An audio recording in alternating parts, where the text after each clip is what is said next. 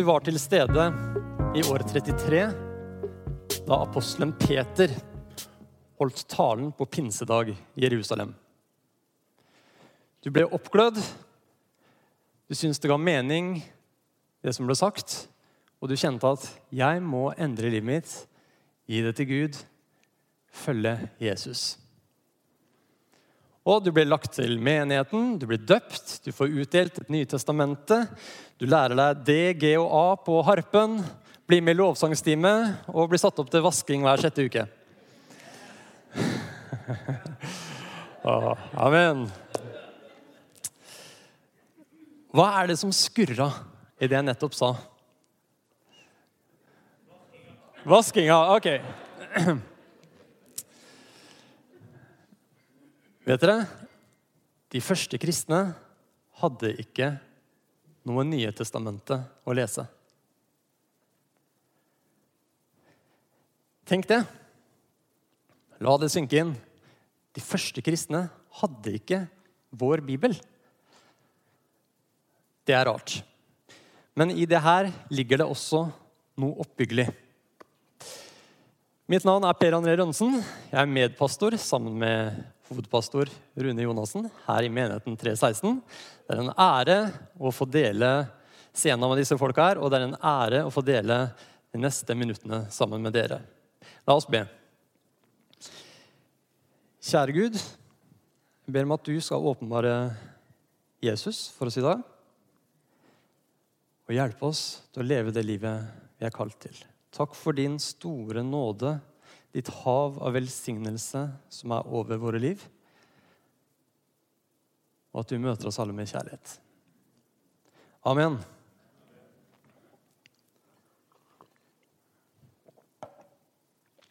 Jesus startet ikke en ny skriftreligion. Du vet at det var først rundt ja, kanskje nærmere år 100 at de tekstene vi kaller Det nye testamentet i dag, begynte å sirkulere bredt rundt alle menighetene rundt omkring i Middelhavet. De første tekstene ble skrevet på slutten av 40-tallet.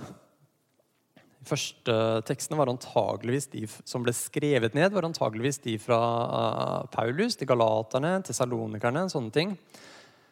Men selv etter at de ble skrevet og sendt til Galatia, så tok det litt tid før det liksom ble kopiert og virkelig sendt rundt til mange. Så hvis du var kristen i Nord-Afrika, som ganske fort eh, fikk en stor menighet, så er det ikke sikkert at de liksom leste alle Paulus sine brev liksom ti år etterpå. Det kunne ta mye lengre tid enn det. Og Hvis du søker opp eh, dateringa av evangeliene på Wikipedia, så vil du se liksom at det er en spredning fra ja, De fleste tenker seg at, at Markus var det første, kanskje rundt år 60. Mens de siste var kanskje, kanskje år 90. Matteus kanskje år etter 85. Jeg tror at eh, de dateringene som står akkurat der, er kanskje litt sene. Kanskje hvis vi skal trekke oss litt nærmere år 70 og bikke den siden. Men likevel, det er ganske sent. da. År 70. Hvis du hørte forkynnelse i år 33, så fikk du blekka liksom, Ikke i år 70, men etter at det ble skrevet i år 70, så skulle det bli kopiert opp og spredd rundt. Det sier seg sjøl at de gikk lenge, de levde lenge på Gamletestamentet, for å si det sånn. Men de hadde stor respekt på den tida for de skriftene de fant, som hadde, eller som stamma fra apostlene, fra disipler og folk som kjente disiplene. Stor respekt. Og her er en av de som vi vet eh, var en disippel av Johannes. Altså, Johannes var en av de tolv apostlene til Jesus.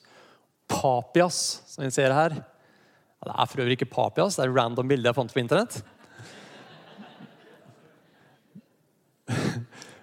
Men uh, Papias som levde rundt sånn år 120. Han var også en, en disippel av Johannes igjen. Men han kunne finne på å si følgende Men hvis det kom noen som hadde fulgt de gamle, altså apostlene, spurte jeg dem ut om de gamles ord. Hva sa Andreas, Peter,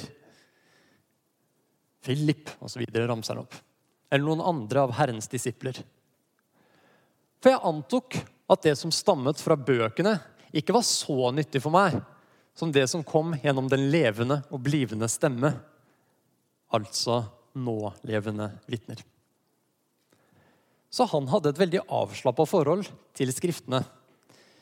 Vi vet at han kjente til litt av Nytestamentet, fordi Papias er, første, er det første stedet i historien vi hører om noen som kjenner til Matteus og Markus, evangeliene.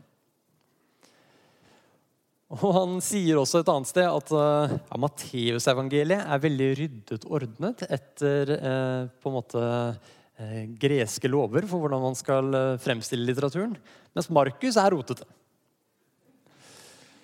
Men han gir oss mer kunnskap, for det er også han som har lært oss at Markus var skrevet av Peters tolk.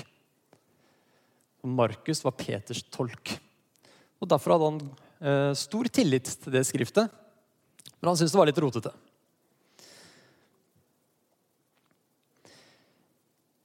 I det bibelsynet til Papias så kan du si at eh, nei, det høres jo litt, uh, litt sølete ut. Men Papias, han, for hans var det helt naturlig at hans fundament var Det gamle testamentet. Det var på en måte hans hellige skrift. Og så var det ikke noe måte, nytt, nye hellige bøker som var lagt til etter det. Og det var helt greit. Ja, det var mer enn greit. Fordi de første kristne de kjente til profetiene i Det gamle testamentet. Og dette med at det skulle komme en ny pakt som strakk seg forbi det skriftlige, det er profetert. Nå har jeg lyst til at vi skal lese høyt sammen i kor fra Esekiel 11. Vær så god. Jeg gir dem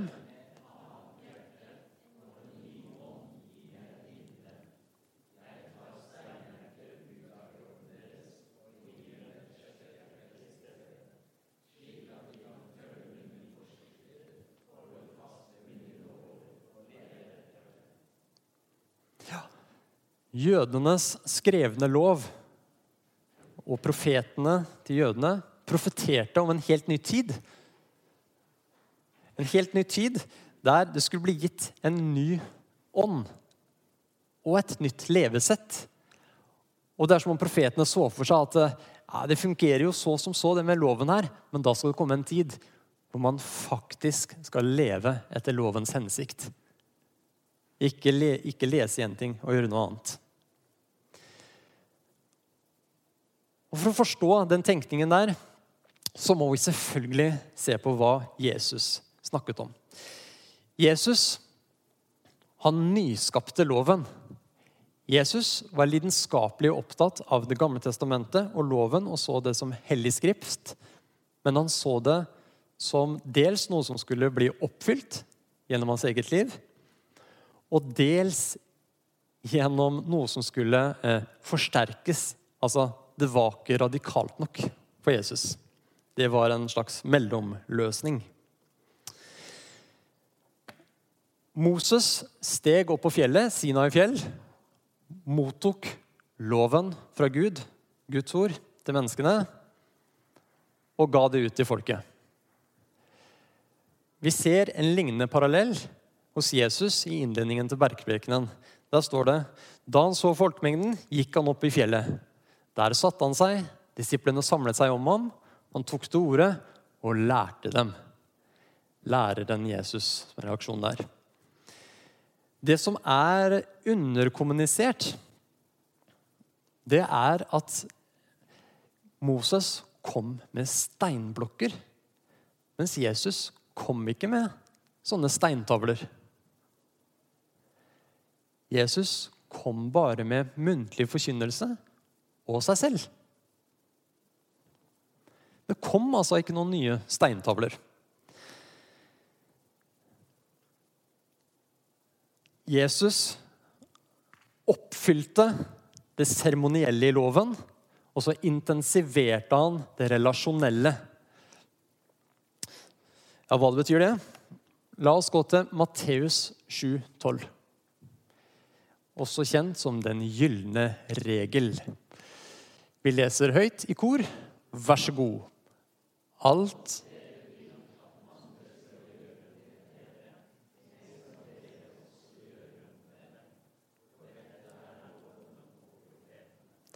Dette er loven og profetene oppsummert.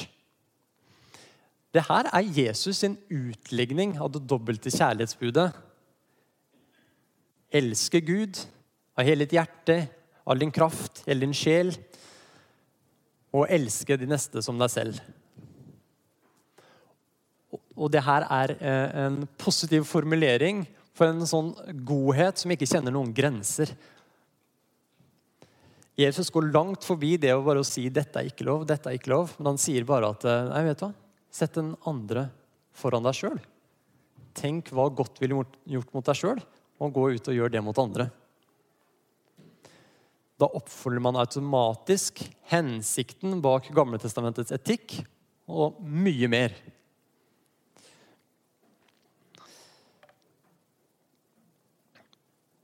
Det finnes ikke det finnes ikke bud nok og regler nok som kan uh, romme den instruksen Jesus gir oss i den nye pakt.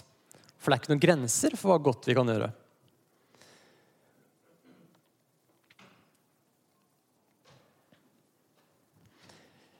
Den som er som meg, vet at uh, det er, ikke sånn i, det er ikke sånn at i vår egen natur så kjenner vi lysten til å gjøre alt mulig godt. Men Jesus sendte Ånden. Og det her er så viktig, tenker jeg, at vi har en hjelp. Det er noe som er nytt etter at Jesus sendte Ånden. Det skjedde en reell endring i verdenshistorien. Ånden i oss er Jesus i oss. Jesus sier at det er bra at han dro til himmelen, så ånden kunne komme. På, vi sier jo til barn at Jesus bor i hjertet. Ja, Gjennom Den hellige ånd bor Jesus i vårt hjerte. Det er vårt kall å leve ut det Jesuslivet fra innsiden og ut. Ikke nødvendigvis fra utsidens bokstav og innover. Apostlene forsto det her, iallfall etter Jesus hadde stått opp. For Johannes sier i kapittel 1, vers 1 I begynnelsen var Ordet. Enerche en hologos. Det var ikke tungetallet. Ingen trenger å tyde. Altså, I begynnelsen var ordet Vet du hva? Det ordet, det var Jesus. Jesus er det ordet med stor O vi leser om i evangeliene. Men Paulus forsto også det, for at han skjønte at eh, bokstaven sto i opposisjon, den sto i motsetning til gledesbudskapet Jesus kom med. Det var, sånne, det var nesten en kamp. De kjempa mot hverandre. Loven på steintavler, bokstaven, det var noe helt annet enn det nye livet, ånden, kjærlighetslivet, som Jesus kom med. La oss gå til andre Korinterbrev, kapittel 3 er litt bibelbonanza. Går det bra? Ja, herlig. Da leser vi sammen. Han som også gjorde oss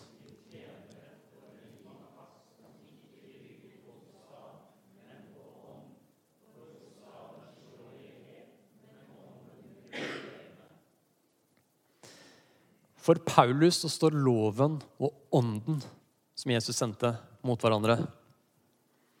Eller bokstaven, som han kaller det.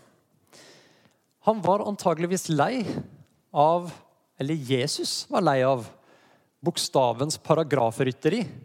Hvor liksom kunne krysse av der. 'Jeg fasta to ganger i uka. Jeg gir bort så og så mye.' Bla, bla, bla, Alt er bra med meg. Nei, det var ikke en sånn smutthullsteologi Jesus ønska seg. Han kom med eh, en permanent løsning for alle som bygde på kjærlighet fra innsiden. Og det er mulig pga. frelsesverket. Og det pusha Paulus på. Han pusha på det hele tiden. Og det kan vi lese mye om i hans brev. Ånden i oss gjør at vi kan oppfylle lovens egentlige hensikt. Men det er så mye mer enn loven. Det er alt det som loven ikke klarte å omsette i levd liv. Det er det landskapet Jesus inviterer oss inn i.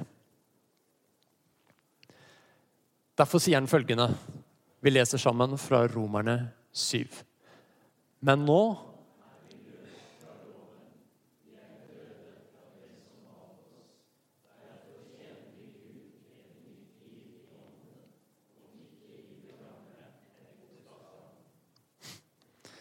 Ja, det er ganske drøyt.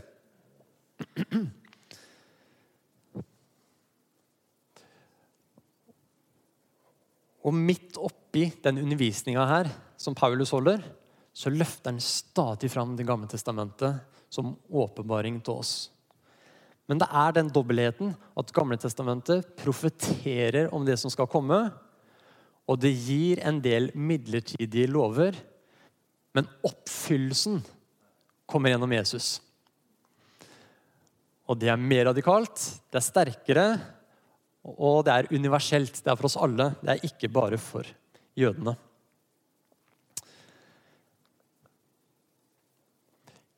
Jesu liv og person, det er vårt Guds ord.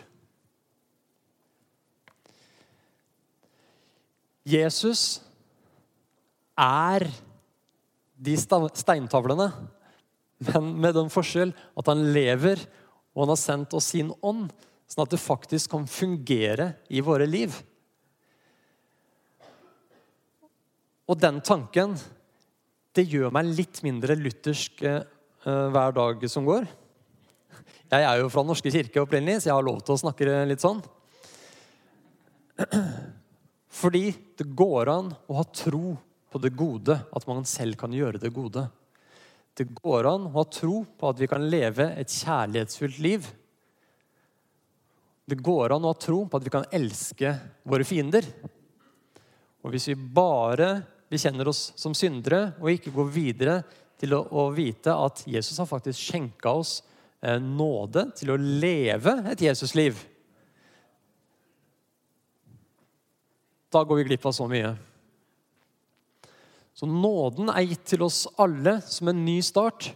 Men når vi går inn i det nådelivet, da er Jesu undervisning så radikal at det er ikke noen grenser for eh, hvor mye vi kan elske og gi og yte for hverandre. Ikke som noe som er stressende, fordi det hviler på at Gud elska oss først.